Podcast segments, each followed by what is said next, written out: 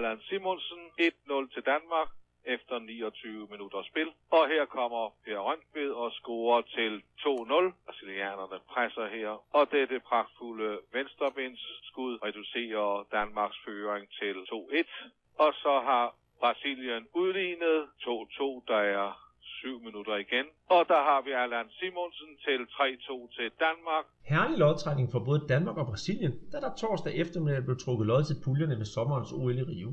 I 1972 hed det Simonsen mod Falcão, og i år hedder det Højbjerg mod Neymar.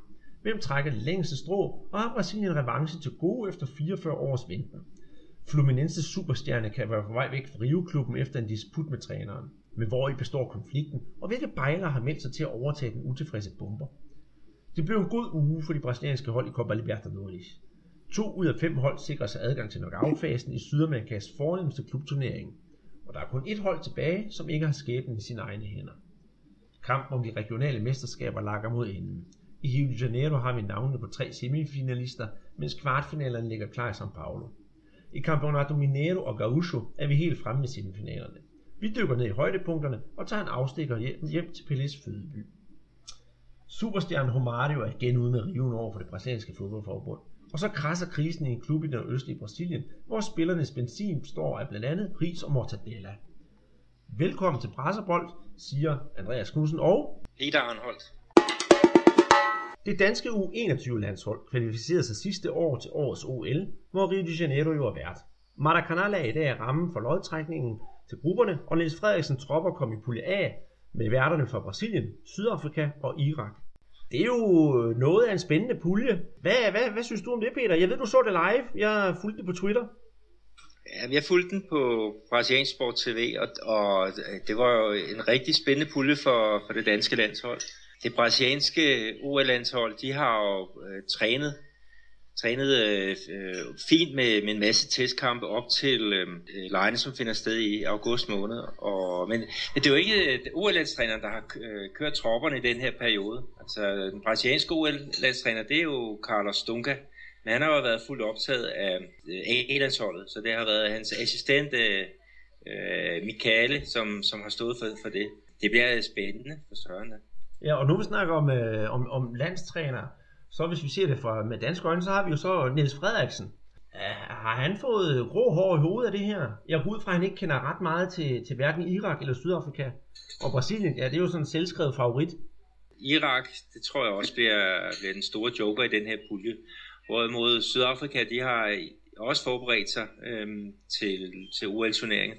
Og de spillede blandt andet mod Brasilien her i, i mener sidste måned, hvor de tabte med, og jeg mener, det var 3-1 øh, i, en, i en testkamp. Og der var, øh, den kamp, der så jeg live, og der var jeg ikke vildt imponeret over det, det sydafrikanske landshold. Ja, okay.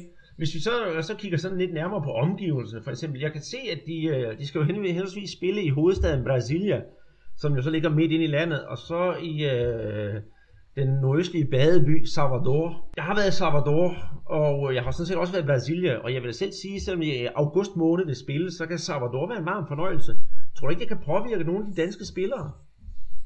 Jo, men forhåbentlig så har de været der et stykke tid, således at de har akklimatiseret sig. Øh, tyskerne, da de forberedte sig til, øh, til VM, der lagde de jo en lejr i Salvador. Så, så helt håbløst har, har det jo ikke været for, for de tyske spillere, og, og det bliver heller ikke helt håbløst for, for de danske spillere. Men det tager jo lidt tid at, at blive akklimatiseret. Ja, det, det kender jeg alt til. Hvis vi så kigger på selve den brasilianske trup i hvert fald, der er der jo mange, der måske giver sig selv.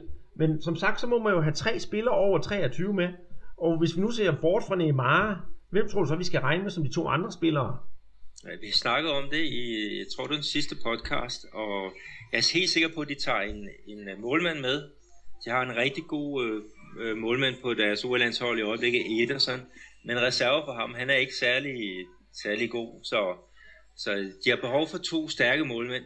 Og så bliver det sandsynligvis en, en stopper i form af Miranda, øh, som, som kommer til at, og, hvad skal jeg sige, øh, danne, danne aksen på, på det der øh, OL-landshold. Jamen der kan man bare se, øhm, jeg tænker måske mere på, hvem skulle målmanden så være. Skulle det være Alisson, der fik chancen, og så Dunga, han måske satte sig hårdt på de, den gamle garde til Copa America?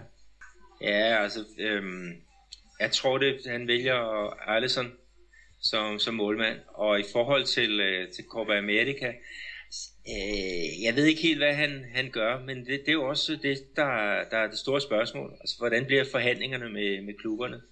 Så en fyr som Neymar, der er der tale om, at han enten skal spille det ene eller det andet. Barcelona vil ikke frigive ham til, øh, til begge turneringer. Men øh, Neymar har selv været ude og foreslå, at han for eksempel ved øh, Copa America, der spilles i, i øh, juni måned, for eksempel først kommer ind øh, i kvartfinalen. Og, og det, igen, det, det, er, det hele er en forhandlingssituation. Så hvor den ender, det er der ikke nogen, der, der ved. Altså, vi kunne godt risikere, at vi får det OL uden Neymar. Og det ville da være lidt ærgerligt. Jamen det ville det helt bestemt. Også, øh, vi har haft debatten nogle gange her i podcasten, det der med, hvad vægter mest, om det er Copa America eller, eller OL, og jeg tror stadigvæk, at OL den vægter meget højt, i og med, at man ikke har vundet den. Og efter OL i London sidst, hvor Brasilien de fik sådan lidt et smedeligt nederlag, var det ikke til Mexico i finalen, så, så har de jo noget at skulle hævne. Ja, det har de. Øh, men men øh, der var en, en ekspert hernede, der sagde, at, at, øh, hvis Brasilien ikke vinder OL, så går verden ikke under af den grund. Men hvis de ikke kvalificerer sig til VM, så går verden under. Jamen det er rigtigt. Copa America, og Copa America skal bruges som, som træning til VM-kvalifikationen, hvor Brasilien ikke er, er kommet imponerende fra start. Ja, vi glæder os til at se Danmark mod Brasilien. Så må du sidde med den ene trøje, jeg må sidde med den anden trøje, eller vi må finde en eller anden måde at gøre det på. Ja, jeg har set nogen, der, der køber øh, en trøje for hvert hold, og så, så, så skærer de den midt over og, og syr den sammen, således man får Brasilien på den ene side og Danmark på den anden. Det kan ja. være, det bliver sådan nogle trøjer. Men, men uh, Andreas, i forhold til uh, deres, det brasilianske OL-landshold, uh, hvilke spillere skal vi holde øje med? Ja, men den absolute øh, kan man sige, topspiller, det bliver jo Gabigol fra, fra Santos. Ham forventer jeg ufattelig meget af.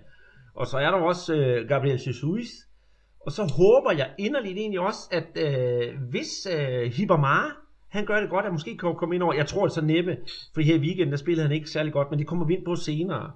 Har du andre spillere, vi skal holde øje med? Ikke, øh, ikke umiddelbart. Altså, de har jo nogle af de spillere fra deres øh, A-landshold, som, som har alderen til, til U23. Det er jo blandt andet Marquinhos. Så jeg glæder mig til at se ham øh, kontinuerligt over nogle kampe øh, hernede sammen med, øh, øh under Dunkas øh, kommando. Han øh, bliver jo spået som, som en af de, de, de kommende landsholdsspillere øh, for Brasilien, og øh, jeg kunne godt tænke mig at se Marquinhos øh, for fuld flå under, under OL. Vi kan måske også lige øh, slutte af med, at øh, Danmark har jo tidligere spillet mod Brasilien øh, ved, ved OL. Ja, det var tilbage i München i 72, og det var så før min tid, men der går rygt om, at du har siddet og spillet, set kampen til lavkagefodbold, eller hvad det var for noget? Ja, ja. Jamen, jeg var en, en ung knæk på, på 10 år øh, dengang, og vi var til lavkage stævne i, i Hørsholm. Øh, men øh, vi fulgte lidt med på, på skærmen med, hvad der skete i den der kamp. Og det der med at, at slå Brasilien med 3-2, det var jo, det var jo helt vildt. Øh, og jeg kan da stadig huske mange af de, de gode navne fra, danske navne fra dengang. Og der var jo Allan Simonsen og Per Røntved, og ikke mindst Chris Nygaard, som var var en rigtig tiger på, på det hold. Okay, det lyder spændende. Jeg ved i hvert fald, at Brasiliens hold dengang, de, de havde også nogle store stjerner, men turneringen for dem, det gik jo ikke særlig godt. De tabte jo til Danmark, som sagt, og så spillede de 2-2 mod Ungarn. Og så tabte de 1-0 til Iran. Og det synes jeg, det synes jeg lyder lidt underligt, for de havde jo øh, store stjerner. Hvis jeg nu øh, siger Roberto Dinamiti, så siger det vel dig en, øh, en masse ting, gør det ikke det? Okay, en legende i Vasco da Gama, øh, hvor han var topscorer, øh, og så um, senere præsident, og han havde også et, et okay forløb med Barcelona. Jamen det havde han, og han er jo stadigvæk et stort idol. Han er simpelthen, han er, kan man sige, Vascos svar på, på Pelé, så stor er han dernede i Vasco. En anden, jeg lagde mærke til, det, og der også var med, det er jo ingen andre end uh, kongen af Rom. Ja, Roberto Falcao. Ja, som i dag, vi har jo snakket om ham tidligere, han er jo træner oppe i Nordøst i Brasilien. Men, men ja, han er træner i Sport Recife og øh, Tulli Di Melo, han spiller. Det er nemlig rigtigt. Men øhm, vi har begge to måtte lige være og, og, og tjekke op på holdene dengang.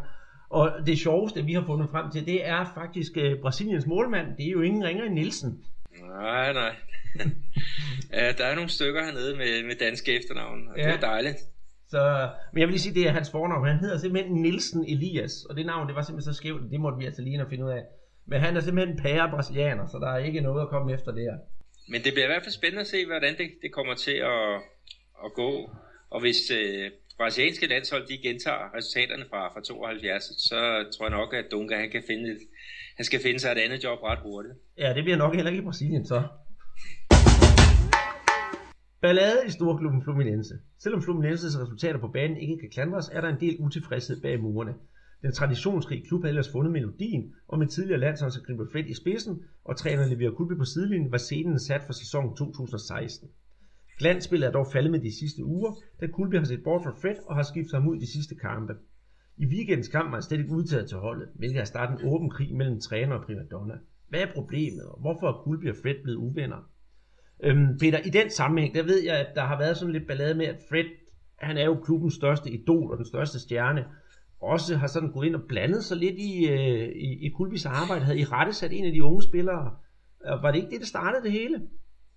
Jo, øh, konflikten startede, da, da Fred han tog, tog fat i, i hans angrebskollega Marcus Junior i en pause, hvor han havde kritiseret ham øh, kraftigt for ikke at have, have afleveret nok øh, bold til Fred inde i, i feltet. Og Olivier Kulbe, han har så overhørt den her øh, samtale og, og øh, havde taget fat i, i Fred og fortalt øh, hele, hele flokken af spillere, at, at øh, den, der bestemte øh, i Fluminense, det var ham. Så hvis Fred havde noget, han havde, var utilfreds med, så skulle han komme til, øh, til Levier Kulbe selv, og så ville man tage den øh, derfra. Så, så det, det faldt ikke i god i år hos, hos Fred, som, som mente, at han har, han har autoritet til at, at, at bestemme en, en del, uden at skulle gå, gå over træneren. Så det udløste simpelthen øh, den her konflikt, der, der nu kan medføre, en, at øh, Fred forlader Fluminense.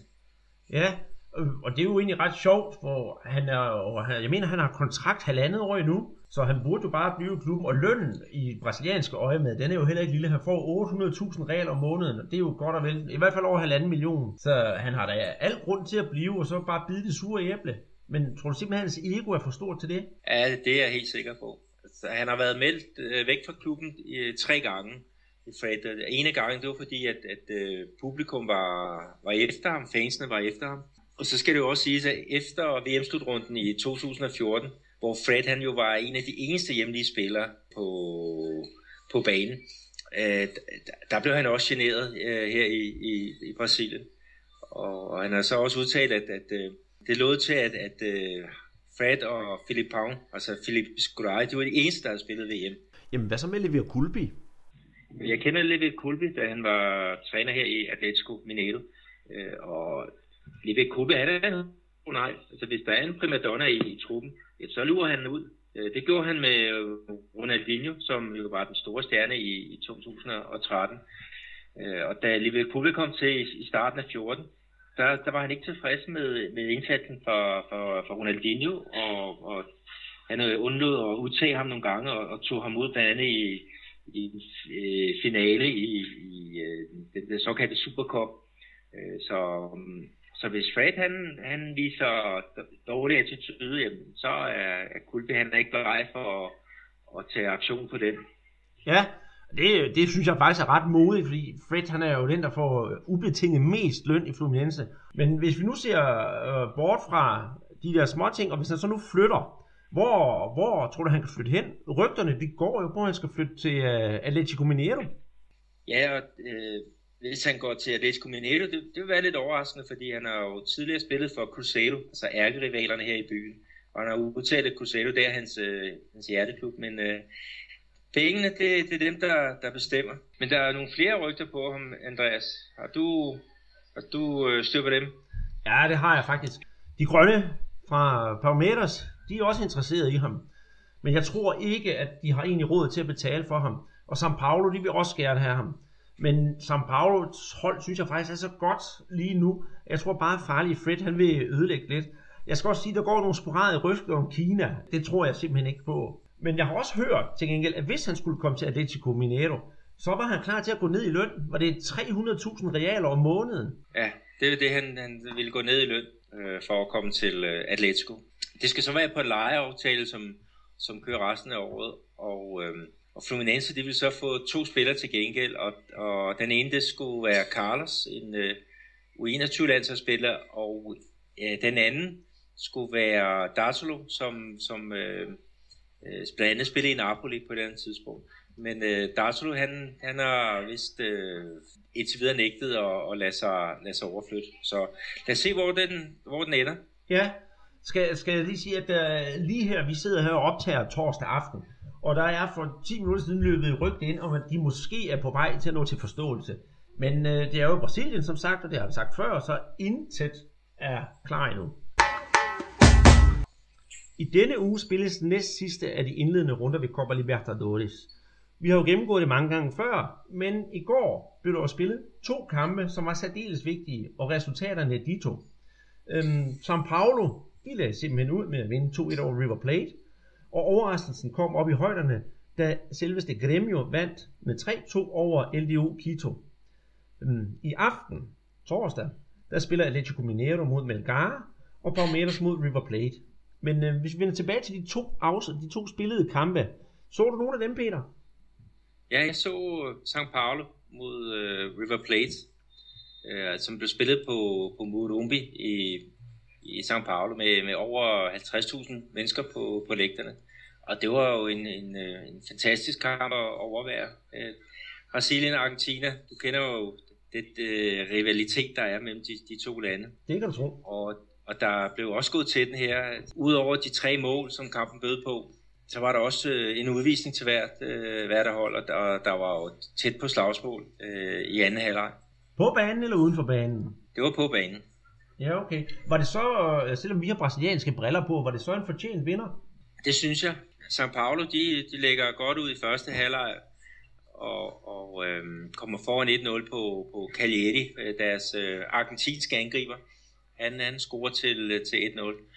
Og øh, River har faktisk ikke noget, øh, nogle, nogle farlige forsøg i, i første halvleg. Øh, så kommer de ud til anden halvleg River og er klart øh, farligere og har nogle, nogle glimrende øh, forsøg. Men så laver Cagliari sit, øh, sit andet mål, og, og med 2-0 så burde kampen være, være lukket. Øh, River de får udvist en spiller, som, øh, som øh, klasker en hånd i ansigtet på Cagliari. Øh, men får alligevel reduceret til, til 1-2, og så, øh, ja, så, så får São Paulo også udvist en spiller for, ja, det, for to kort. Ja, det er kampens afgørende minutter der. ja. Men, men jeg kan jo så se, at øh, vi har en god ven af programmet, der var med på en assist. Det var jo Ganso. Hvordan spillede han? Jo Ganso, han, han gør det godt. Altså, han holder i bolden, og han, han får den for, fordelt rigtig godt, og arbejder også bedre defensivt, end hvad jeg har set ham øh, i mange år. Så Ganso, han er, han er formstærk, og det er jo også det, man kan se ved, ved São Paulo. Øh, De begynder at lave de gode resultater, vinde de færre kampe.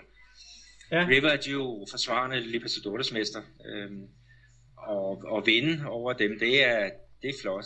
Ja, hvis vi så lige kigger på gruppen, hvor de spiller i gruppe 1, der er jo så øh, River, de fører stadigvæk gruppen foran São Paulo. De har samme pointantal, men forskellige målscorer. The Strongest er på tredjepladsen, og Trulianos er på fjerdepladsen. The Strongest kan stadigvæk nå at kvalificere sig. Men skal vi ikke øh, håbe på, at den er lukket, og så er det São Paulo og River Plate, der går videre? Og River Plate, de er kvalificeret til, øh, til 8. og São Paulo, de vil, vil gøre øh, argentinerne følge med at, at, at spille for eksempel 0-0 øh, op i, i La Paz. Så øhm, det bliver, det bliver spændende, men altså, øhm, den, den kan lige så godt ende ud for, for The Strongest. Det, det er ikke sjovt at spille deroppe i, i højderne. Nej. Skal vi så kigge lidt på Gremio-kampen? Og det var sgu da et godt resultat, for at sige det lige ud. Ja, det var flot. Altså, de øh, kommer foran øh, 2-0. Øhm, er også foran 3-1, og, og, og så får for hjemmeholdet, de får, får reduceret. Og, og så er der jo også spænding på, der, på en meget, meget svær bane. Masser af regn, øh, der gjorde øh, banen tung, og bolden stoppede flere gange undervejs. Men, men, men sådan er Copa Libertadores jo. Altså, det er vanskelige forhold. Øhm, det er lange rejser, det er højdeforskel, og det er nogle gange dårlige baner, og det, det er hissigt publikum. Ja, Og det er jo også det, der gør, gør turneringen meget interessant at følge. ja. Jeg ved i hvert fald, at øh, der var en spiller, man skulle lægge mærke til i kampen, og det var Diego Morales. Er det en, du kender noget til? Ikke uh, umiddelbart, Nej, jeg kan fortælle dig nemlig, at han, øh, han er en, en, sådan en, en lille, kraftig argentiner. Og han har gjort sig hvad kan man sige, til nytte i, faktisk i Brasilien, hvor han spillede i Nautico, hvor han spillede i 2013. Spillede 17 kampe, og så rykkede han til, til LDU Quito. Og han har faktisk også fået øh, et par kampe på det, Brasil, eller på det argentinske landshold. Og han lagde jo faktisk op til begge Kitos mål. Så han må da sige sig at være Kitos mand. Ja, det er i hvert fald en god indsats. Om skal jeg nok holde øje med fremover.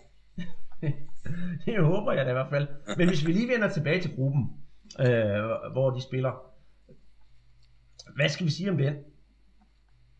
Jamen, øh, der er jo øh, meksikanske Toluca, de er allerede øh, kvalificeret til, til næste runde, og Creme, de er også øh, klar. Øh, og så San Lorenzo, som jo har den tidligere FCK'er øh, Franco Musis øh, med der, de er ude, og det samme er LDU Quito. Så og den sidste runde, det er, øh, det er ren og skær øh, øh Kejserens der, der spilles om. Toluca, de vinder puljen, går videre, Cremio går videre som toer. Jamen, så bliver det spændende, hvem vi møder i næste runde. Hvis vi tager hurtigt kig på de andre grupper, Peter, så har vi jo gruppe, hvad var det, gruppe 2 med Palmeiras. De spiller jo så først i aften, men de havde jo godt resultat sidste uge. Ja, det, de spillede 3-3 ude mod øh, Rosario Central, og der var blandt andet to mål af Gabriel Jesus, øh, som jo er med på det brasilianske urlandshold, men øh, han øh, fik også en kedelig hovedrolle, Gabriel Jesus, fordi han øh, blev udvist efter en, en hævner. Det er jo så et problem for dem. For det første, så skal de jo præstere i næste runde, og så kan de jo heller ikke selv afgøre det. Hvordan det lige, det hænger sammen? Så Palmeiras her i den sidste runde, hvor de møder River Plate fra Uruguay. Hvis de vinder med, med, med 3-0, øh, så, så har de en, en, en okay chance for at gå videre. Men, men det hele afhænger af, hvad der sker oppe i øh, kampen mellem National og, og Rosario Central. Øh, får Rosario Central bare et enkelt point, så kan Palmeiras ikke øh, gøre noget som helst. Så Palmeiras de skal hente tre point på argentinerne, og de skal også hente øh, 3-4 mål her i, i den, den sidste kamp. Ja. Så, så, så det bliver svært. Ja, det kunne være, at Rosario Central de sidder og fortryder, at de ikke har Lionel Messi på banen stadigvæk. Det er jo hans barndomsklub for øvrigt, skal vi lige huske at sige.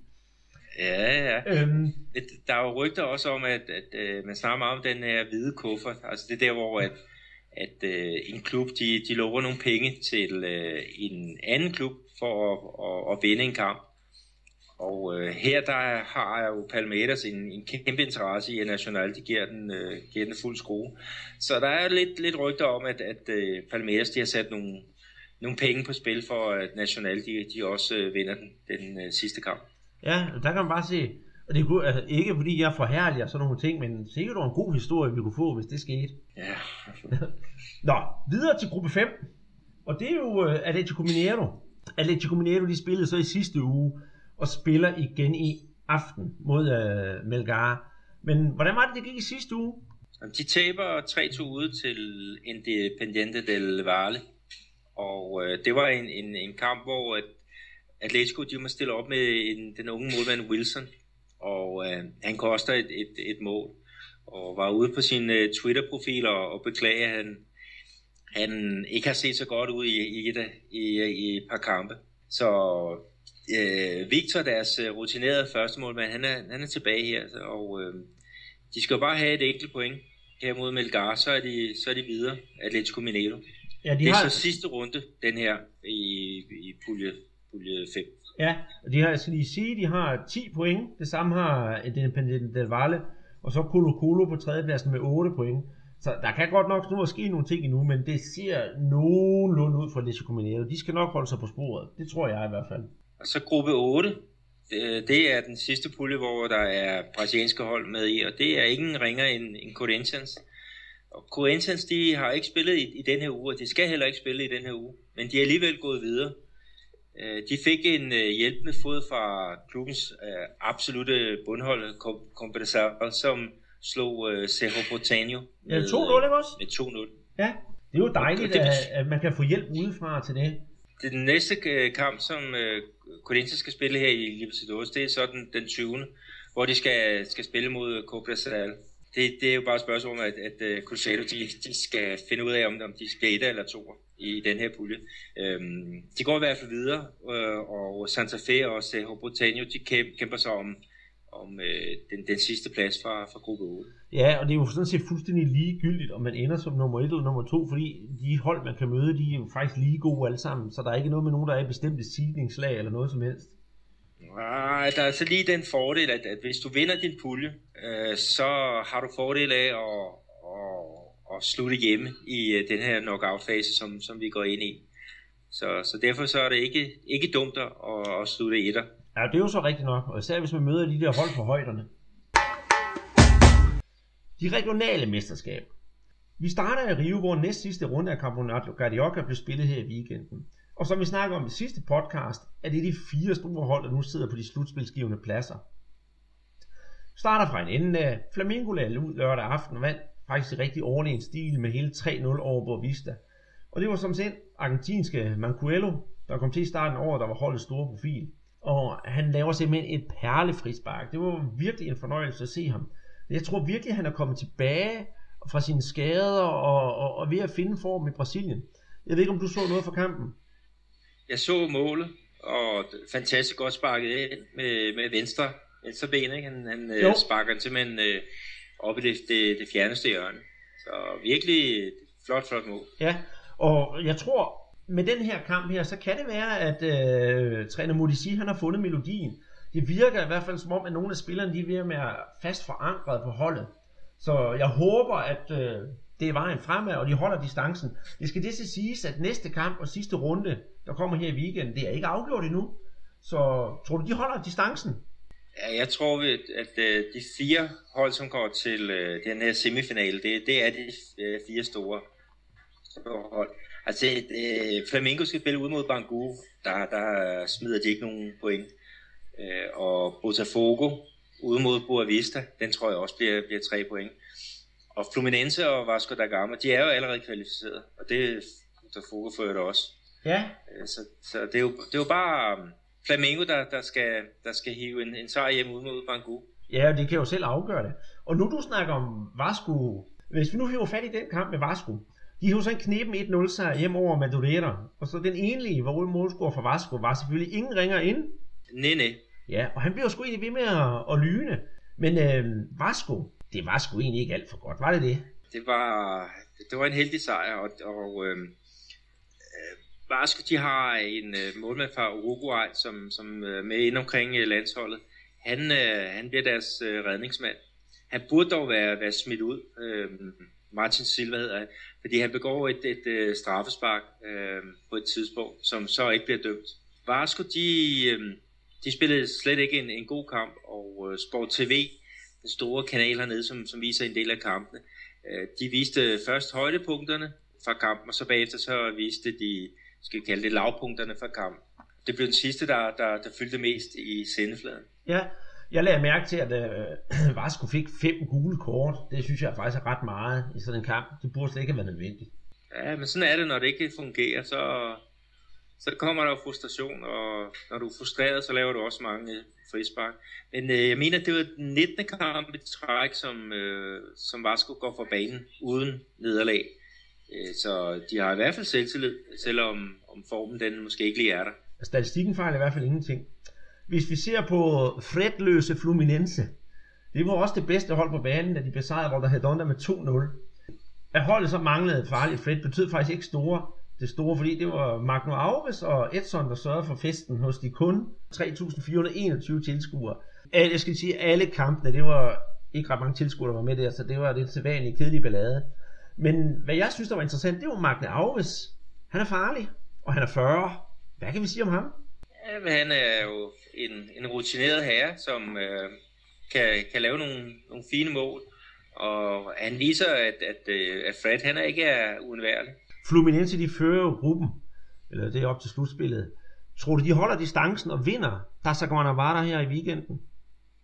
Det finder vi ud af, øh, men det er jo en direkte duel om førstepladsen, som Fluminense og Vasco da Gama skal ud i. Og vi har jo den der historie med, at, at øh, de store stadions i Rio de Janeiro, de er lukket på grund af UL. Øh, så den her Carioca-finale, den skal spilles i Arena de Amazonia. Og det er jo Og Manaus. Det, det er Manaus, ja. Det, det er et stykke, stykke vej for supporterne der, at tage det op, men de får da nogle, nogle flotte rammer at, at spille i. Ja, Jeg tror ikke, der kommer så mange, der flyver med, men jeg kunne også godt forestille mig, at fodboldtraditionen i, i Amazonas, den er faktisk større, end man regner med. I uh, den bog, vi snakker om i sidste uge af Henrik Brandown Jønsson, der snakker de om den store down oppe i, uh, i Amazonas, hvor det er fuldstændig vanvittigt med 50 og 80.000 tilskuere til amatørfodbold. Så jeg tror, de vil være rigtig glade for at få sådan to kæmpe klubber op til at give dem et show. Nu har vi jo næsten rundet, hvordan det kommer til at gå her i sidste runde, og hvad for nogle hold der går videre, og hvem der skal spille om pokalen. Men vi skal huske lige at nævne, at Botafogo de faktisk også spillede en kamp her i weekenden, og det var mod Bangu, og det var simpelthen øh, med til ringe kamp, skal man lede længe efter. Øhm, det var 0-0 hele vejen igennem, og først efter 92 minutter sørgede midtbanespilleren Rodrigo Lindoso at slukke lyset for Bangu på et straffespark. Så du kampen? Jeg så ikke kampen, nej. Nej, Øh, og jeg er ikke gået glip af noget. kan jeg Overhovedet ikke. Jeg kan fortælle i den sammenhæng, jeg har en rigtig god kammerat, der siger, at en gang imellem skal man se en dårlig fodboldkamp, for derved husker man, hvor gode de gode er. Det, der var værd at lægge mærke til i kampen, det var faktisk, at der Hibamara, som vi har snakket om før, og faktisk snakket ham lidt op, han var faktisk ikke særlig skarp i den kamp. Så jeg tænkte umiddelbart på, okay, har vi talt ham for meget op, eller er det fordi, han er så ung, at han lige skal have en off-day en gang imellem? Hvad tror du? Jamen, han er jo han er jo kommet op fra, fra nærmest øh, inden, ingenting, og øh, her i, i den her uge, der var han øh, til U20-landsholds øh, samling. Så der sker rigtig meget for den her unge fyr, så det er nok meget naturligt, at der er nogle svipser indimellem. At han ikke spiller godt hver gang, ja, det, det hører med, når man er en, en ung spiller. Ja, men hvor alting er, ah, kan vi runde det her Campeonato Carioca af i den her omgang ved at sige, at sidste runde spilles på søndag kl. 21.00 dansk tid. Så hvis der er nogen, der skulle finde på at være i Brasilien, så skal de være velkommen til at se, se kampene. I São Paulo blev der som sagt også spillet, og der blev puljen afgjort her i sidste runde i weekenden. Alle grupperne var faktisk afgjort på forhånd, og det var kun i gruppe B, der stadig var spænding resultatet. Men da Palmeiras besejrede Mogomirim, kunne Ponte Preta, trods en sejr, ikke gøre noget som helst. Er der ret meget at sige til det, udover det var Palmeiras, der vandt, og så var det det? Jeg skal nok lige tage med, at, at St. Paulo, de, de skuffede ved at tabe 1-0 ud til, til St. Bento. Men med til historien, det var, at øh, de stillede med hele B-kæden, øh, St. Paulo, så øh, de havde tankerne på, på Copa Libertadores øh, og den her vigtige kamp mod øh, øh, River Plate. Hvis vi så kigger på kvartfinalerne, og de bliver så spillet her i weekenden over sådan lidt længere periode, men det kommer vi lige ind på lidt, lidt senere, så er det uh, Santos møder São Bento, og det siger jeg straks. Favoritten, det må være Santos. Har du indvendinger til det? Nej, ikke. Palmeiras São Bernardo, det må vi også sige, det er også Palmeiras. Og så kommer så måske lidt interessant kamp, det er Audax mod São Paulo. Jeg vil selvfølgelig også sige, at São Paulo er så favorit, men øh, den spilles på søndag. Og der er vist et eller andet med, at kampen bliver flyttet, er det ikke rigtigt? Jo, det er rigtigt. Altså normalt så ville de jo blive spillet lørdag og søndag med to kampe øh, på, på hver dag. Men der er en øh, kæmpe demonstration her på, på søndag i, i hele Brasilien. Og der har, har øh, politiet i São Paulo, de har vurderet, at det er for usikkert at, at blande fodboldfans og, og, og demonstranter. Øhm, så, så derfor så er der to kampe, der bliver spillet om, om lørdagen, og så er der jo kun én kamp om søndagen, og så er den øh, en kamp mandag.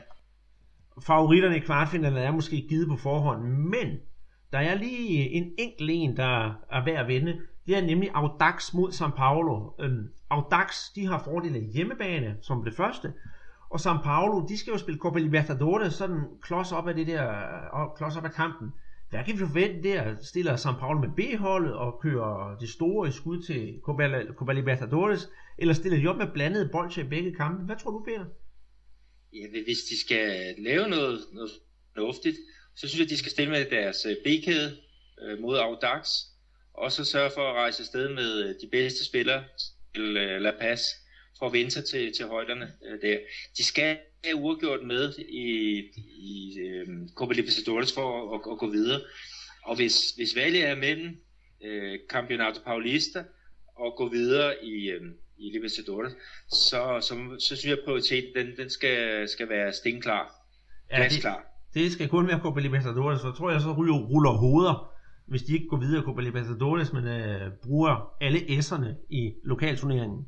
Hvis vi så kigger en tur hjemme ved dig, Peter, så blev der også spillet sidste runde her. Det, der er mest interessant, det var en kamp ude at se. Det var jo så Atletico Mineiro mod uh, Tricordiano. 4-2 taber de. Hvordan skete det? Ja, men øh, Atletico, de, de stiller med deres øh, bækhed.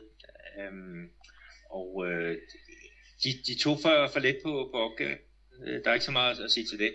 De var foran 1-0. øhm, og øh, kommer så bagud øh, bagud 3-1 for reduceret til, til, til 2-3 ved, ved Rubinho, så, som kommer ind. Øh, og, og, men så i, i overtiden, der, der, der lukker holdet fra byen Tres Corazones, de, de lukker så, så festen. Og Tres Corazones, det siger måske ikke nogen ret mange noget, men øh, det kan du fortælle lidt om, kan du ikke det? Jo, det er øh, den by, hvor at øh, Pelé han blev, blev født tilbage i, i 1940 og Pelés far. Han nåede at spille både for Tricordiano og Atletico Mineiro, inden han, han tog til øh, São Paulo. Ja, hvis vi vender tilbage til turneringen, så er vi nået til semifinalerne. Og den første semifinale, den bliver spillet mellem America MG og Cruzeiro. Og den anden semifinal, det er URT. Det er União Recreativa dos Trabalhadores, som møder Atletico MG. Og øh, de første kampe bliver spillet den 16. og 17. og så er der returkampe den 24. og den 23. Hvem har du som favoritter? Umiddelbart vil jeg sige, det er Cruzeiro, der går videre i den første semifinal, og Atletico Mineiro i den anden. Ja, det, det tror jeg også bliver, øh, bliver resultatet. Øh, America Mineiro, øh, de har et, et, øh, et okay hold, men, øh, men de, de kommer til kort mod, mod Cruzeiro over de der to kampe. Amerika de overraskede sidste år, hvor de uh, stod i, i top 4 i den næstbedste brasilianske række. De skal faktisk spille uh, med i eliten her, uh, når, når Serie A begynder her i maj måned. Det bliver spændende at se. Om Topscorerliste. Ja, det er jo Hobinho på førstepladsen med ni mål. Og hvor mange kampe er det egentlig, han har spillet? Har han ikke også spillet ni kampe? Eller er det otte? Og hele turneringen, den har, har kørt over 11 i det her det grundspil. Og Rubinho, han har været med i, jeg mener, det er seks øh, af kampene, så han har et rigtig fint øh, målsnit. Ja, på andenpladsen, der finder vi så Mancini, som vi også har snakket om i tidligere podcast. Han er jo så ikke med længere i turneringen. Og tredjepladsen, der har vi jo så Osman. Han kunne også være meget interessant at følge med i, for han spiller nemlig for, for Americo MG. Så ja. Det, det er dem, vi måske skal holde øje med. Osman og Hobinho, og selvfølgelig Lucas Prato. Men vi får se, hvem der scorer, og om Hobinho han forbliver topscorer i ligaen. Også i det sydlige Brasilien er udskillingsløbet begyndt. Her er kvartfinalerne afviklet, og det var også favoritterne, der trak længste strå. Topholdet Grêmio hentede 4-1 sejr over Brasil de Pelotas, og de havde så ikke vores gode ven fra Næstved med. Kan du huske, hvad han hedder, Peter? Øh, Felipe Garcia. Det er nemlig rigtigt. Jeg har ikke fundet ud af, hvorfor han ikke er med. Ved du det? Nej, Nå. Ja, den, den har jeg ikke styr på. Det er ikke en af de mest informative klubber i Brasilien, kan vi sige. Nå, Øhm, 4-1, det vandt Ju Juventus i år i Piranga, og International hentede en 3-0 sejr hjem over São Paulo. São Paulo fra Rio Grande do Sul. Øhm, den sidste kamp, den stod mellem San Jose og Brasiliens svar på Hamburger Sportsverein, nemlig Novo Hamburgo, som betyder Ny Hamburg. Øhm, hvor alting er, det betyder, at semifinalen står mellem Juventus og Grêmio, mens International møder San Jose allerede på lørdag. Men hvad kan vi forvente os af semifinalerne? Er det de soldater, eller kan vi forvente måske, at San Jose de overrasker? Ah, de har lavet en øh, rigtig flot turnering, San Jose, men øh, jeg er helt sikker på, at finalen den kommer til at stå med, mellem Grêmio og, og International. Det skal nok blive rigtig spændende, fordi selvom turneringen den virker sådan lidt forudsigelig her til sidst, så tror jeg, at Gremio International det er en kamp, jeg, jeg i hvert fald vil se. For sidst i spillet, der fik den på alle tangenter. Og det var virkelig noget af det bedste brasilianske fodbold, jeg har set i år på klubbasis. Um, en helt anden ting, det er, at vi kommer sjældent nordpå, og i weekenden her, der skete der noget meget specielt op i det nordøstlige Brasilien, nærmere betegnet i, i Ceará. Er det noget, du har styr på, Peter? Det kan du tro. Det var Fortaleza, som spillede hjemme mod uh, Guarani de Og øh, hjemmeholdet, de tæver 1-0. Øhm, meget overraskende. Men øh, hjemmepublikummet, de, øh, de jublede faktisk over det her nederlag, fordi det betød, at ærkerivalerne øh, Serra, de ikke kom med i, i slutspillet. Øh, Serra, de vandt øh, ellers ude øh, 5-1 over over Uniclinic. Øh, men, men det var altså ikke, øh, ikke nok. Serati sluttede sidst i deres øh, pulje, og øh, kommer altså ikke med til, til semifinalen. Så øh, de fire hold til semifinalen her fra, fra den her nordøstlige stat, det er altså Fortaleza, det er Uniclinic, og det er Guarani de Juazeiro, og det er Guarani de Sobral. Så det, det er en kæmpe, kæmpe overraskelse. Jamen det er da dejligt at høre, du er så velbevandret inden for nordøstbrasiliansk fodbold, for jeg skal sige, at det eneste hold, jeg kender, det er jo faktisk øh, uh, Ceará, og så en lille smule til Fortaleza. Men det var faktisk ret sjovt at høre, at man kan tabe en kamp, og så alligevel være glad, når det går ud over ærkerivalerne. Vi ville gerne have lavet en øh, udgave af Danskerhjørnet i den her runde, men så ville det bare være endnu mere en sidste runde, hvor der faktisk ikke skete ret meget. Så den springer vi altså over i denne her omgang. Men lige så snart der kommer nyt på Danskerfronten, så er vi selvfølgelig også klar. En anden ballade i brasiliansk fodbold i den forgangne uge er Romario. Han har udtalt sig særdeles kritisk om CBF og om landstræneren. Og han kaldte direkte en fra CBS et dumt svin. Hvad har det nu på sig, og hvorfor det? Romario er en kontroversiel person, og, og han, han ligger ikke... Altså udover at have at kalde folk for, for dumme svin, så har han jo også kaldt den, den tidligere brasilianske fodpræsident øh, Teixeira for en kræftsvulst i, i brasiliansk fodbold. Og i øjeblikket så har han også en retssag øh, hængende over sig, og det er ingen ringer end landstræner øh, Carlos Dunga og øh, øh, ham der er koordinator for, for alle landsholdene. Gilmar? Øh, Gilmar Rinaldi, øh, Gilmar Rinaldi øh, som, som har anklaget ham for, for injurier. Og, og det som øh, Romario har, har blandt andet sagt, det er, at, at, øh, at Chilmar øh, Rinaldi, som er den tidligere øh, agent, at han bruger det her landshold simpelthen til at, at få, få solgt spillere. Ja, altså i det her interview her, han er virkelig ude med riven. Og så netop også siger Del Nero, at han er simpelthen den største plage for vores, øh, vores fodbold i Brasilien. Og samtidig så udtaler han sig også negativt igen om Dunga, og siger, at det kan ikke være meningen, at man kun er nummer syv på verdensranglisten. At det er simpelthen en skam over brasiliansk fodbold, og det hører sig ikke hjemme for en tidligere verdensmester og, og kan man sige, svine brasiliansk fodbold sådan til. Øhm, jeg synes personligt, at øh, han har faktisk ret i nogle af de punkter, han siger, men hans måde at sige det på, det er måske ikke sådan den mest sådan diplomatiske. Så han går jo bare ind i folkens skyld med støvler på og er fuldstændig ligeglad. Tror du, de forfølger for ham, eller får han ret? Ah, men øh, ja, den der injuriesag, altså der, der kommer han nok til at, at betale en, en bøde for, for de der udtalelser, fordi det er noget, der, der er svært at, at bevise. Øhm, men han er jo også øh, sådan lidt småperfid i, i nogle af sine, sine angreb. Altså Gilmar Rinaldi, som, som netop er koordinator for landsholdet, han var tredje målmand øh, ved øh, VM i 1994, hvor Brasilien jo vandt. Og øh, Romario, han håner ham, og så siger han jo, han jo bare var med som, som fotograf.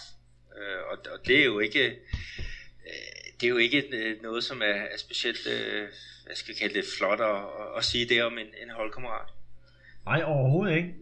Men man kan jo sige, om, hvad man vil om Romario, om hvordan han er som person og politiker. Men hvor man tænker, at han får da i hvert fald ryddet op og, og vendt rundt i, i, i sporten i Brasilien, og sådan får gjort fokus på problemerne. Det synes jeg faktisk er en rigtig god ting.